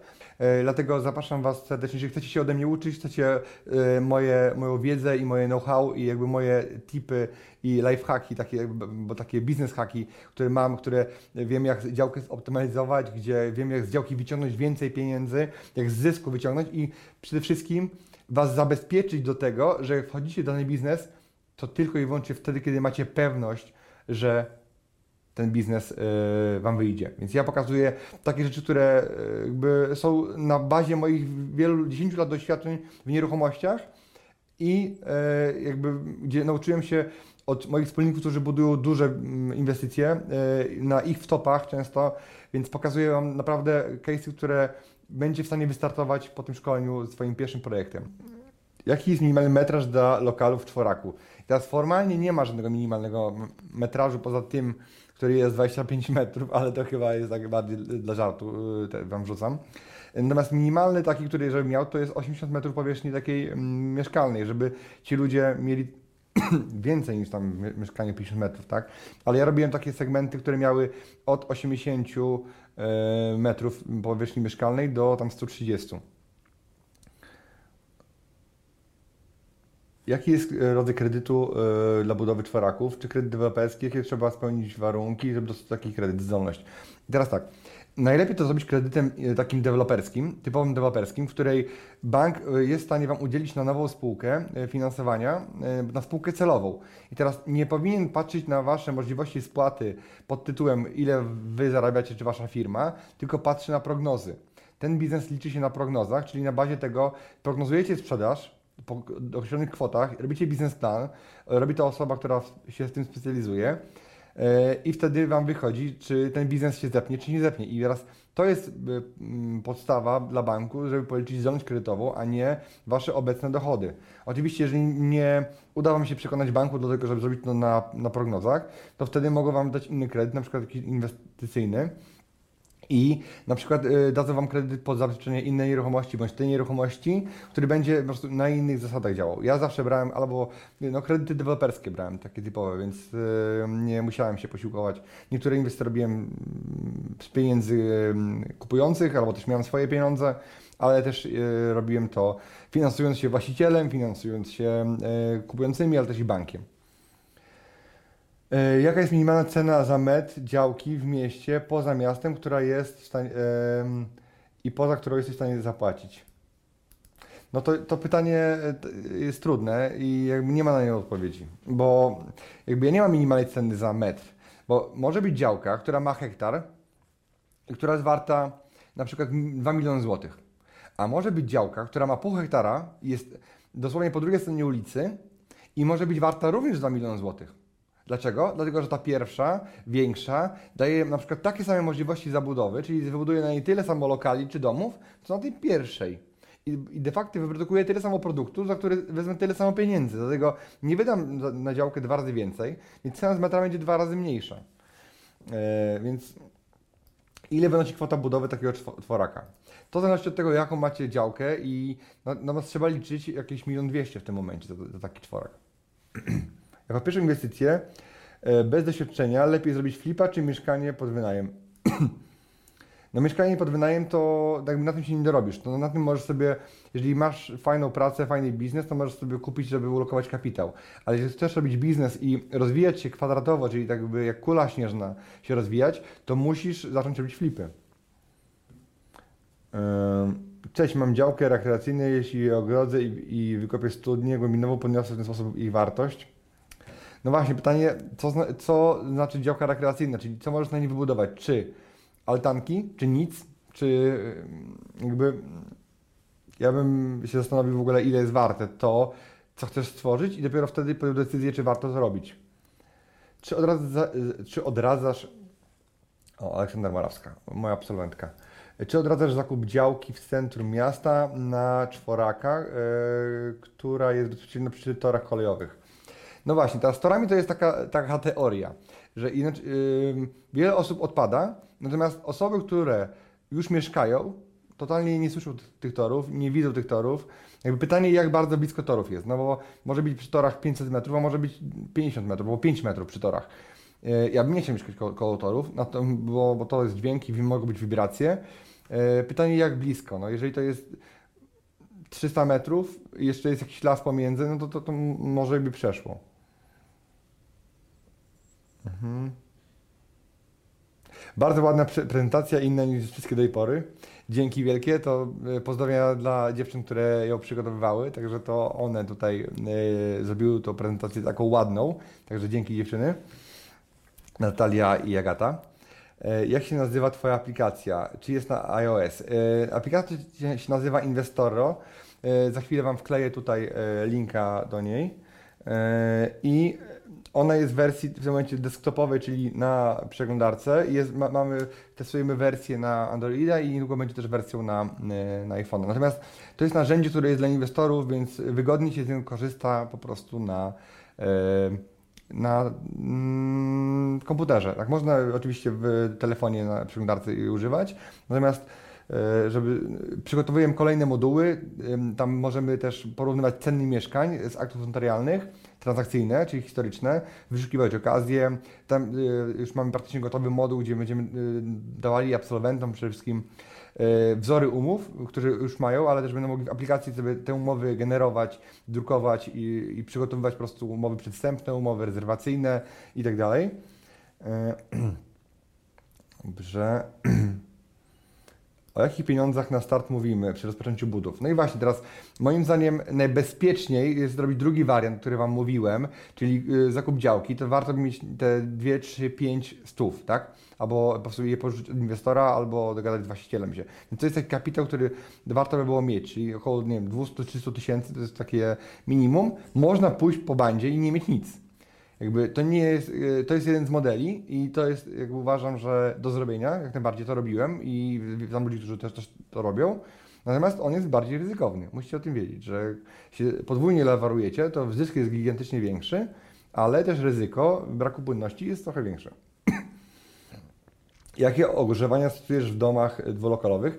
Ja stosuję ogrzewanie gazowe, piece, dwufunk- takie piece gazowe e, z, mm, tą, z piece gazowe mm, z zasobnikiem wody wleciało mi, e, ale teraz przymierzam się i analizuję e, robienie pompy powietrznej wodnej we wszystkich inwestycji, więc prawdopodobnie będę e, nie robił przyłącza gazowego i robił pompy. Cześć. Mam działkę, na której zamieszczą się trzy lokale. W jaki sposób to zbudować? Jako szeregówki czy jednorodzinny i pół. Ja budowałem w takich sytuacjach, e, jak ty miałeś, e, budowałem. znaczy, Pytanie brzmi: w jaki sposób e, to zbudować? Jako szeregówki czy jednorodzinny pół drugiego jednorodzinnego? Czyli czy wybudować jeden dwulokalowy i jeden jednolokalowy, czy, jed, czy trzy domy jednocześnie? Taniej będzie wybudować trzy domy jednocześnie. Nie. Taniej będzie wybudować jeden dwulokalowy i jeden jednolokalowy. Czyli jeden dom i dwa lokale w drugim domu. Pracując na etacie, uważasz, że da się postawić takiego czworaka i koordynować całą budowę, braknie czasu, trzeba doglądać budowy, czy zatrudniać człowieka, który koordynuje budowę. Oczywiście, że ja zatrudniam ludzi, którzy się tym zajmują. Ja bym nie był w stanie być tutaj z Wami, nie byłbym w stanie robić innych firm, które też mam i prowadzę i którymi zarządzam, e, bez wsparcia zespołu, który jest na co dzień na, na moich nieruchomościach i tego tym zarządza i pilnuje. Dlatego, e, jeżeli chcesz wybudować czworaka, to jest takie samo zaangażowanie jak budowa domu. Teraz zadaj sobie pytanie, czy byłbyś w stanie wybudować dom?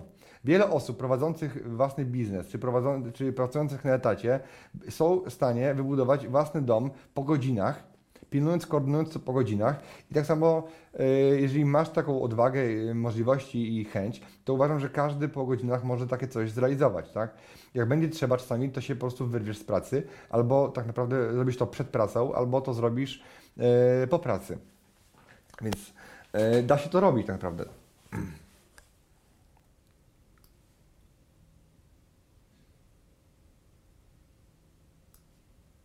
Mhm. Jakie warunki zabudowy są na bliźniach? Czy da się radę postawić czworaka? I teraz tak, warunki zabudowy powinny być tak naprawdę na zabudowę bliźnia- na dwa domy w zabudowie bliźniaczej.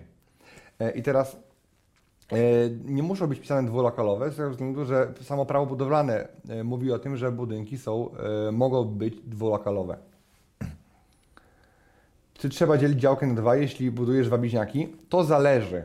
Czy plan miejscowy wymusza na tobie podział działki, czy warunki zabudowy mają wpisane w tytule na wydzielonych działkach? Bo jeżeli tak, to musisz to zrobić. Jeżeli nie, ja miałem na jednej działce dwa warunki, które były różne i raz musiałem, raz nie musiałem.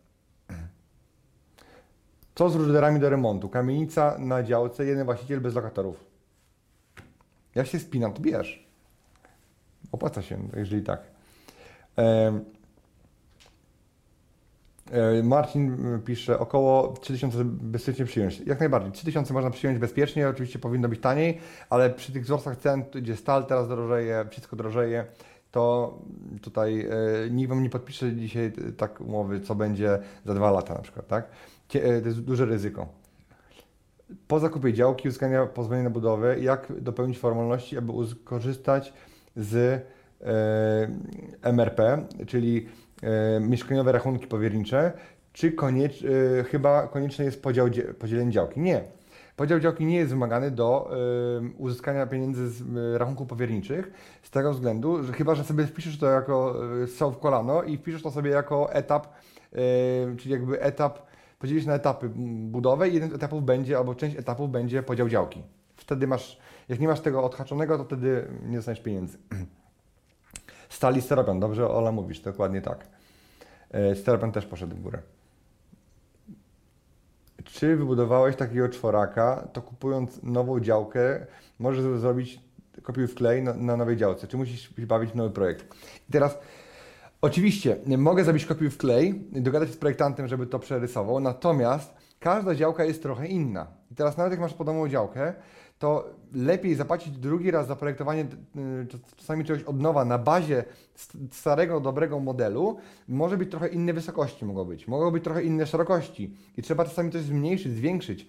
Dlatego to nie jest tak, że ja mam hektarową działkę i sobie stawiam jedno na wielkim rancho jeden dom i tak naprawdę nieważne. Ja po prostu wciskam na, na styk więc ta, ten dom musi być tam idealnie wpasowany, mi, mieć idealną funkcję, mieć światło w salonie i tak dalej, i ogród od, od odpowiedniej strony, więc te domy muszą być skustomizowane i, i zaprojektowane indywidualnie, a nie kupiony projekt y, gdzieś tam z internetu, który jest często do dupy, bo jest przeszacowany i jest po prostu tak, żeby ładnie wyglądał i tylko go wypchnąć.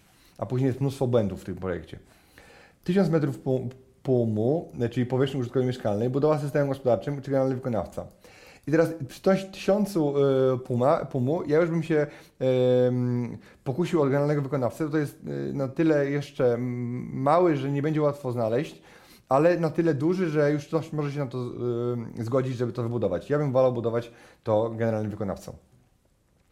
Czy aby przyjechać, przyjechać na szkolenie, trzeba być pełnoletnim, tak? Znaczy nie, inaczej nie trzeba być pełnoletnim, to nie jest jakby wymóg formalny, natomiast jakby yy, zastanów się, czy to jest, to szkolenie jest yy, teraz w Twoim wieku yy, na ten moment potrzebne. Może zacznij od książki, zacznij od tego, żeby trochę moich filmów pooglądać i dopiero później, jak już będziesz wiedział, że chcesz to robić, to wtedy przyjdziesz na szkolenie. Szkolenie jest dla osób, które chcą to robić, yy, bo bez sensu jest wydawać pieniądze, poświęcać czas, energię, jeżeli nie chcecie tego robić to jest dla osób, które chcą to robić. Ja nie mam satysfakcji, że ktoś przyjdzie, posłucha i tyle. Chciałbym, żebyście wy to robili moją metodą, moimi sposobami. E, czyli od strony, e, czyli od której strony światła salon. E, zasada mówi, że od strony południowej buduje się salon. Natomiast ja swój dom, który wybudowałem, wybudowałem odwrotnie. Ze względu na to, że mieszkałem parę lat w domu, który miał od północy miał salon, natomiast bardzo sobie to rozwiązanie chwaliłem e, od, wschodniego, wschodniej, e, od wschodniej północy e, i wybudowałem tak samo dom. I, mimo to nie jest w nim ciemno i jest ok. Kiedy projekt z katalogu? Nigdy. Nigdy. Projekt z katalogu powinien być tylko inspiracją dla Ciebie do tego, żeby mm, znaleźć coś fajnego na elewację, na układ funkcjonalny itd., tak ale nie do tego, żeby E, go kupować. Plany zagospodarowania można zmieniać. E, zmienia e, to Rada, czy, czy Pani Wójt udało Ci się kiedyś zmienić warunki zabudowy? Zagospodarowanie, tak. Warunki zabudowy oczywiście można uzyskać kolejne, nowe, powołać się na różne rzeczy i jakby przekonać urzędników, że masz rację albo że powinny dać Ci inne. E, planu miejscowego nie zmieniałem, natomiast jakby w małych miejscowościach byłem na rozmowach z wójtami i nie było problemu, żeby taki plan zmienić. Im większa miejscowość, tym jest coraz ciężej, bo jakby im mm, większe miasto, tym musisz być większym inwestorem i mieć większy interes dla miasta, żeby e, się z nimi ułożyć. A na budowę domu czy czworaka nikt nie zmieni Wam planu, tak, tak o. Mm, co sądzisz o sprzedaży domu w stanie surowym, zamkniętym? Może lepiej poczekać i dołożyć i wykończyć pod klucz. E, I teraz wiem, że niektórzy budują domy surowe w stanie zamkniętym bez, e, bez instalacji, bez tynków. Natomiast ja uważam, że domy, które, znaczy ludzie kupują domy, dlatego że nie mają czasu ani pieniędzy, ani kompetencji, żeby sami ich budować. Dlatego wolą zapłacić komuś za zrobienie tego, niż robić wszystkiego e, samemu. Jakby potrafili, mieli czas, energię, możliwości, to by wybudowali dom samemu. Kiedy iść do banku po kredyt? Po pozwoleniu na budowę najlepiej. Wcześniej możesz uzyskać jakąś tam promesę albo wstępną aprobatę, natomiast jakby nie złożyć wniosku, nie dostaniesz kredytu wcześniej niż po pozwoleniu. Czy według Ciebie ma sens mm, biznes deweloperski polegający na budowie garaży i dalszej odsprzedaży? Jeżeli jest popyt na garaże, a Ty masz działkę taką, to jak najbardziej może mieć to sens. Pytanie, ile tym zarobisz? Danielu, jaką działkę trzeba mieć minimum na czworakach, gdyż yy, mówiłeś, że 900 metrów, yy, podając wymiar działki 30 na 60, czyli 1800 metrów. Yy, ok, może ja się pomyliłem trochę. E, mianowicie, ja miałem e, działkę na dwa czworaki, więc podałem Wam działkę, rozmiar działki na dwa czworaki, natomiast jedna działka miała 900 metrów. To tak, żebyście mniej więcej wiedzieli, tak? Więc ja Wam podałem 30 na 60 z rozpędu, ponieważ podałem Wam dwóch etapów. e, rozmiar. A można powiedzieć, że 30 na 30 to jest, tak, to jest taki mi, minimalny, chyba że działka ma wjazd z ulicy, czyli zrobicie 4 albo 2 wjazdy z ulicy, wtedy można mieć 25 na 30. E, no ktoś tu jest celnie, celnie wypunktował, to ja gdzieś tam z rozpędu poleciałem. E, jak pozyskujesz kupców pod domki? Jeżeli e, ja pod swoje mam swoje biuro sprzedaży, ale Wam radzę na początku oddać to do biura nieruchomości, które specjalizuje się w sprzedaży mieszkań, takich typowych domów. Czy przed zakupem zawsze zbadasz, jaki jest grunt? Czy można wybudować to, co zamierzasz? Tak, zawsze y, y, badam grunt, który kupuję i to nie chodzi o to, że czy mogę wybudować to, co zamierzam, tylko ile będzie mi kosztowało budowa tego, co zamierzam. Z tego względu, że yy, można budować nawet na bagnach, nawet na palach i na, w Dubaju budują na morzu, na, na piachu tak naprawdę. Da się wybudować wszystko wszędzie. Kwestia, o, to widać, pieniążków ile będzie kosztowało, więc może być tak, że jak nie zbadasz gruntu, on będzie słaby, będzie glina, będzie woda, będzie, będzie bagno, to zapłacisz za, za fundamenty yy, o 20% więcej, yy, większą Ci koszty budowy, tak? Jeżeli yy, będzie, będzie to, trzeba jeszcze będzie ogrodzić ten teren jakby las, larsenami i zrobić taki wielki wykop, no ja przerabiałem to i przy dużej inwestycji to są gigantyczne pieniądze, więc trzeba zbadać ziemię, żeby ewentualnie to skalkulować. Jak kupujesz działki o statusie rolnym, nie będąc rolnikiem? Korel, to, e, to na to pytanie odpowiem już niedługo w nowym Business Riderze, gdzie nagrywam z ekspertem, który zajmuje się, będzie zajmował się, bo zajmuje się e, właśnie odranianiem działek i kupowaniem działek właśnie w taki sposób.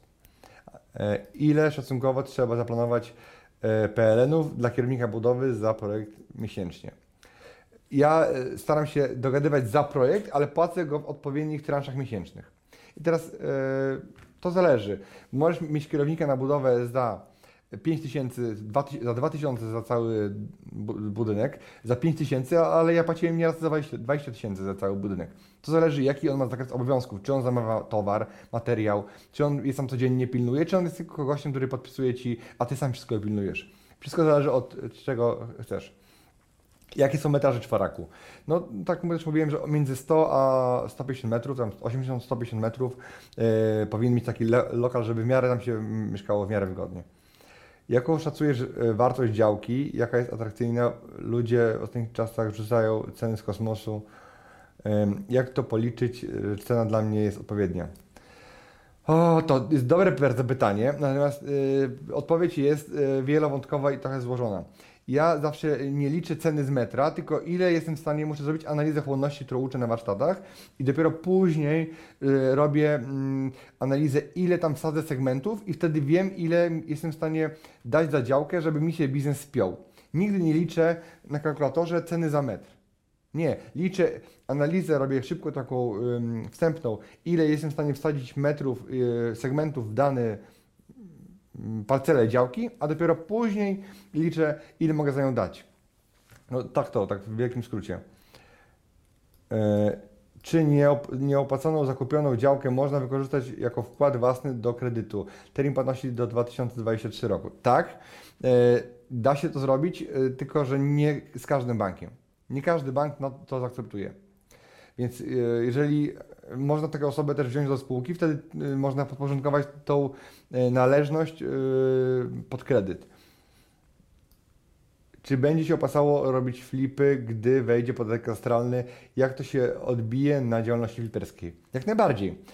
Dopóki będzie popyt na mieszkanie, dopóki a wszystko wskazuje na to, że dalej będzie duży popyt na mieszkania z tego względu, że deweloperzy nie są w stanie budować i zaspokajać obecnych potrzeb, które są. Więc jakby rynek wtórny cały czas świetnie kwitnie.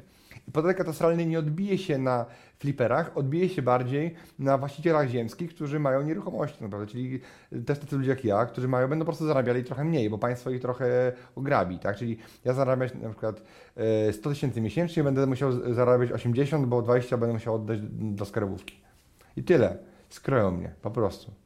Ale y, tacy jak ja, jak się wkurzą, to kupią sobie nieruchomości w innym kraju i tyle. I, i nic to państwo nie będzie miało. Mam nadzieję, że tak nie będzie, chociaż mówię o tym podatku od 10 lat i jeszcze nikt go nie odważył się wprowadzić. e, bo, bo sami urzędnicy mają te nieruchomości, więc e, czy będzie się opłacało robić, a to było, mm, czy jest szans dzielić szeregówkę na mieszkania góra-dół? Zależy, gdzie ta szeregówka jest, w którym jest, mm, w jakiej jest lokalizacji, bo czasami jest tak, że da się to robić i opłaca się to robić, a jeżeli masz to trochę dalej od miasta, to nikt nie kupi e, mieszkania na wsi po prostu, no, bo mało kto będzie zainteresowany, więc jeżeli masz szeregówkę w centrum miasta, to może mieć to sens, ale jeżeli masz to na dupiu, przepraszam, e, za to nie. E, ok, słuchajcie, e, Dziękuję Wam bardzo serdecznie, że byliście ze mną e, do samego końca. E, I gdyby ktoś chciał przyjechać na moje warsztaty, to ja mam bardzo dużo wiedzy dla Was do przekazania, e, gdybyście chcieli wejść w ten biznes i myślicie o tym poważnie. Także dzięki, że byliście razem ze mną i widzimy się na kolejnych webinarach i na warsztatach. Także trzymajcie się. Na razie, cześć. Zainspirowany nagraniami Daniela przyjechałem na te warsztaty y, z taką trochę niepewnością, tak? Czy, czy uzyskam wszystkie informacje. Przygotowałem się do tych warsztatów, przeczytałem książkę, przygotowałem sobie zespół pytań, które mm, pomogą mi, odpowiedzi na te pytania pomogły mi e, lepiej realizować projekt deweloperski, w który właśnie wchodzę. Bardzo pozytywnie zaskoczony, bo uzyskałem mm, wiele odpowiedzi, które dają mi pewne oszczędności, tak? Zwrot z udziału w warsztatach jest świetny. Polecam wszystkim. Dzięki. Poznałem go jako kompetentną osobę, która robi już duże projekty. Ja chciałbym takie robić e, też e, samodzielnie, duże projekty deweloperskie. Daniel zdążył mi już podpowiedzieć e, bardzo dużo cennych informacji użytecznych, które tak właściwie przełożyły się już na tą ilość pumu, czyli powierzchni użytkowej, mieszkalnej na moich projektach.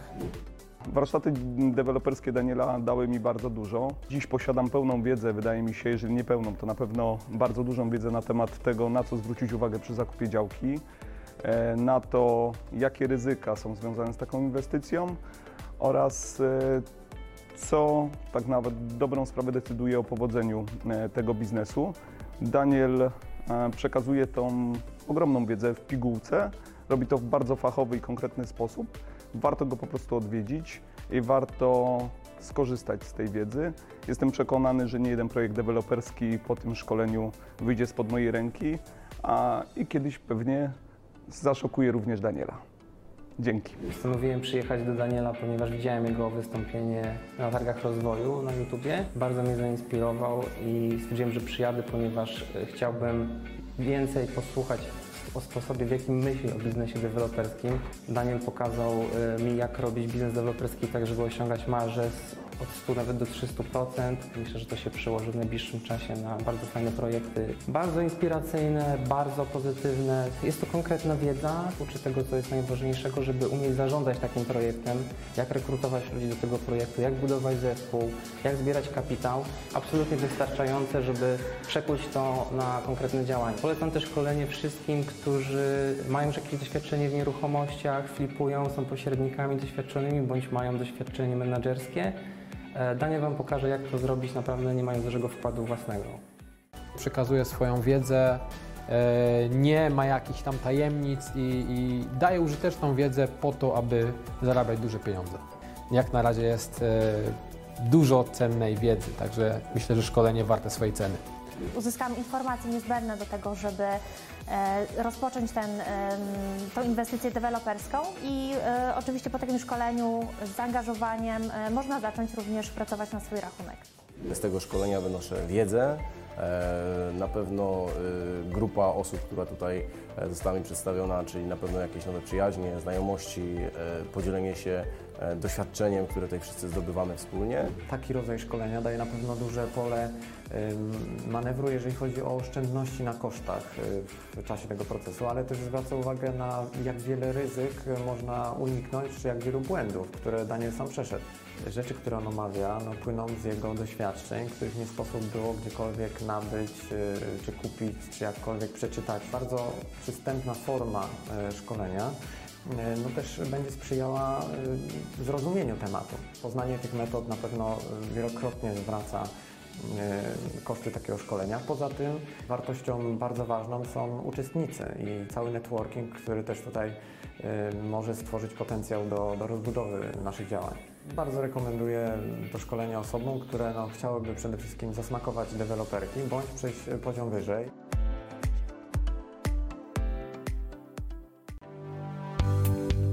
Dziękuję Ci, że wysłuchałeś do końca. Jeśli ten podcast był dla Ciebie interesujący, zapraszam do słuchania kolejnych odcinków. A jeśli chcesz jako pierwszy otrzymywać powiadomienia o nowych odcinkach, subskrybuj mój podcast.